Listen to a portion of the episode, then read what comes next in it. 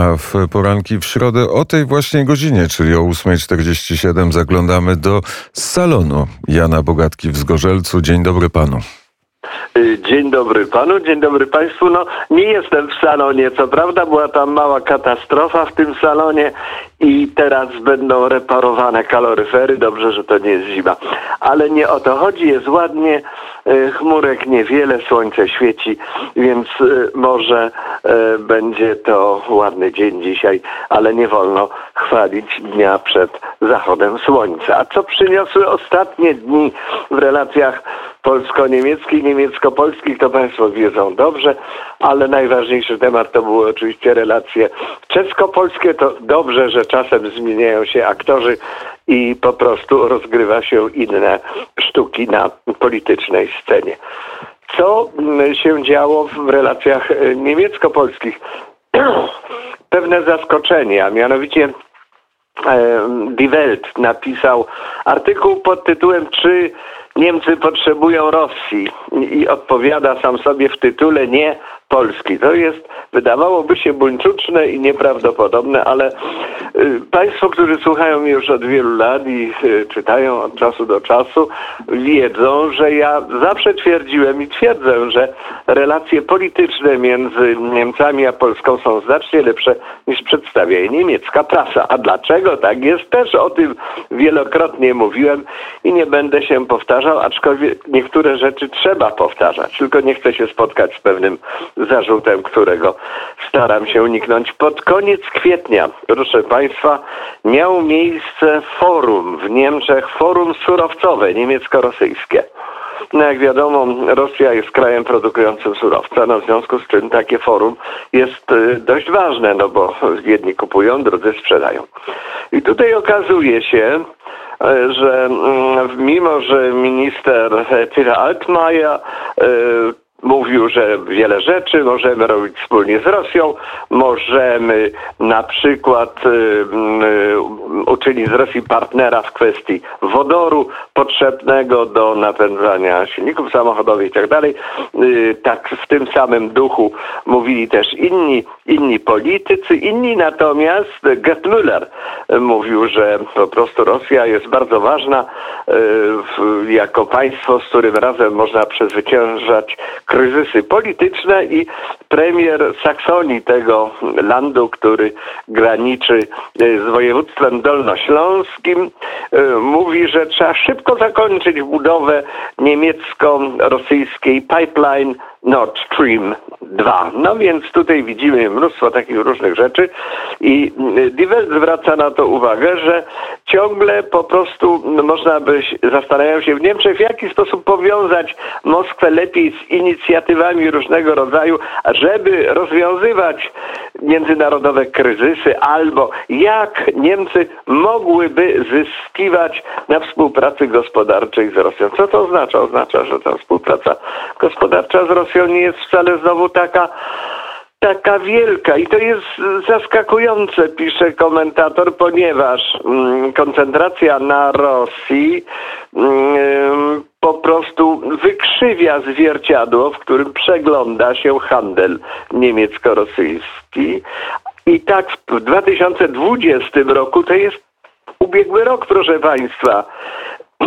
Obroty wyniosły w tym handlu zaledwie niespełna 45 miliardów euro, a więc to było absolutnie, absolutnie najgorsza sytuacja w ramach tej współpracy w toku ostatnich lat, a nawet handel niemiecko-rosyjski spada, jego wartość po prostu się zmniejsza i tylko 2% wszystkich importów z Niemiec, tego wszystkiego, co Niemcy kupują za granicą rosyjską, przypadają na przypadają na produkty z Rosji. Ale o Rosji mówi się, mówi się, media piszą nasz sąsiad, no bo to jest sąsiad. To zostało tak, zdaje się, od XIX wieku i do tej pory tak jest. To jest nasz sąsiad. To jest tak, jak gdyby polskie media pisały taki nasz sąsiad, no bo w końcu dzieli tylko niby jedno państwo, y, Chiny i, i Polskę, a może kiedyś wyglądało to to też inaczej, zwłaszcza jak Mongołowie byli pod Legnicą w, w 1243 roku, o ile pamięć mnie nie myli. W każdym razie yy, tutaj należałoby się zastanowić, dlaczego tak jest. W końcu yy, Polska jest czego yy, w ogóle się nie zauważa. Stała się w tym czasie trzecim największym dostawcą do Niemiec, jeszcze przed USA. W roku 2020, tym samym, w którym z Rosją obroty w handlu wyniosły 45, niespełna 45 miliardów euro, e, obroty w handlu z Polską wyniosły 58 miliardów, a właściwie ponad 58 miliardów i yy, tendencja ta rośnie, no więc to jest zupełnie innego rodzaju rozwój. Należałoby się nad tym zastanowić, czy przypadkiem nie zauważyć Polski, ale widocznie niemieccy politycy również czytają niemiecką pracę i w tej sytuacji nie bardzo wiedzą, co co mają zrobić. A relacje postrzegane polsko-niemieckie przez Niemców i Polaków są znacznie lepsze. To znaczy, wydaje się, że są lepsze niż się o nich publicznie mówi. Ten barometr y, relacji polsko-niemieckich tutaj prowadzi taki, Die przeprowadził tego typu y, ankiety. Wynika, że y, relacje polsko-niemieckie w odczuciu społeczeństw poprawiają się, są coraz lepsze. No można by tak w zasadzie powiedzieć. Weźmy ostatni przykład.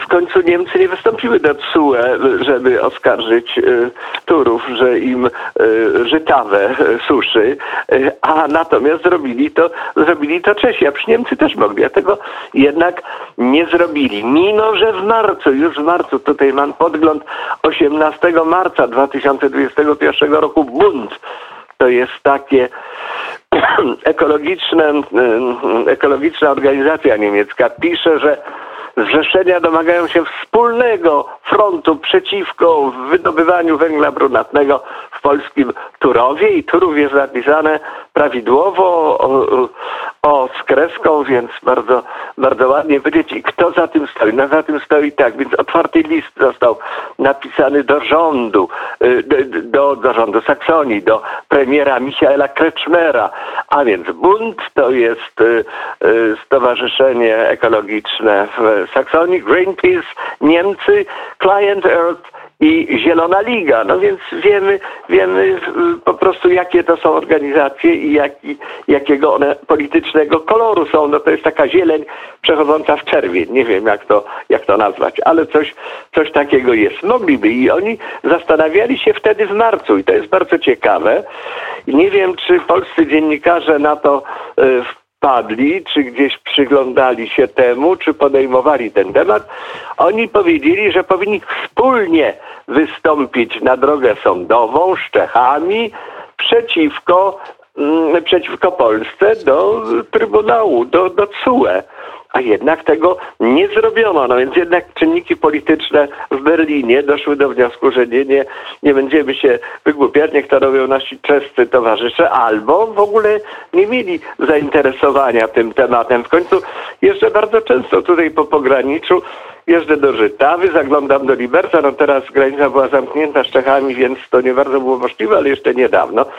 I nigdzie nie widziałem, że studnie są suche, aczkolwiek do kilku nawet zaglądałem, bo zainteresowała mnie ta rzeczka w Żytawie, jak to wygląda. Bardzo lubię te okolice, bardzo lubię te miasteczka. Przyglądałem się temu wszystkiemu i tam nic, niczego takiego nie widziałem. No ale przyczyny polityczne mogą wyglądać inaczej i to wysłyszanie też. W każdym razie nie widać, żeby Bacofery, czyli po prostu to wielkie jezioro pod Zgorzelcem nagle wyparowało dlatego że postanowiono w Polsce wydobywać trochę więcej węgla brunatnego. Zresztą Niemcy zwracają też uwagę na pewnego rodzaju drobiazgi. Same przecież kopią węgiel brunatny w wielkiej ilości i też nie bardzo chcieliby, żeby te zarzuty ich, ich spotykały. No ale znowu zjechałem z tematu i wszedłem na tematy poboczne, aczkolwiek również istotne można by powiedzieć. Największy spór między Polską a Niemcami to jest Nord Stream 2, to o tym każdy wie.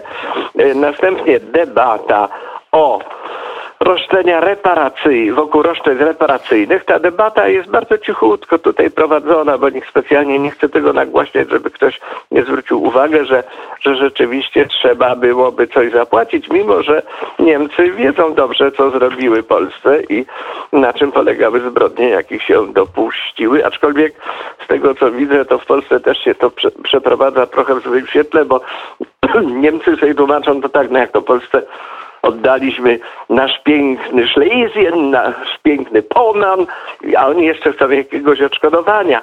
Ale po prostu oni nie wiedzą chyba o tym, że Polacy stracili ponad połowę swojego terytorium państwowego.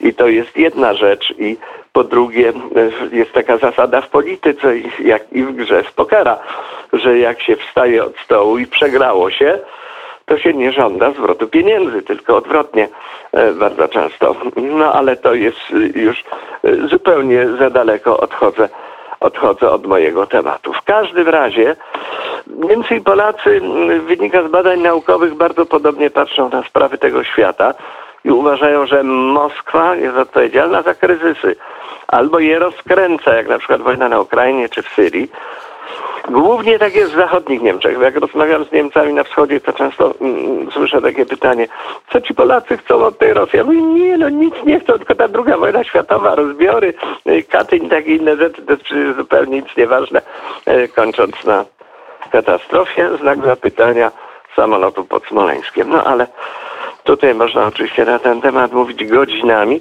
a godzinami nie mogę mówić, bo redaktor Skowroński by mnie wyłączył w połowie zdania i na to chyba nie zasłużyłem, proszę Państwa, życząc Państwu miły, miłego, pięknego dnia.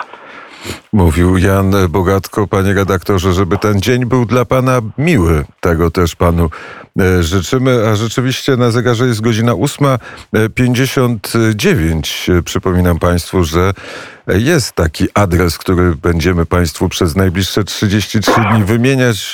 Adres to zrzutka.pl ukośnik radio wnet i między innymi, bo chcemy zbudować taką e, sieć studiów radiowych i może udałoby się zbudować takie małe studio w Zgorzelcu po to, żeby pan, po to, żeby pan redaktor Jan Bogatko mógł bezpośrednio z redaktorem Piotrem Witem w Paryżu rozmawiać i żebyśmy słyszeli to z jakością radiową.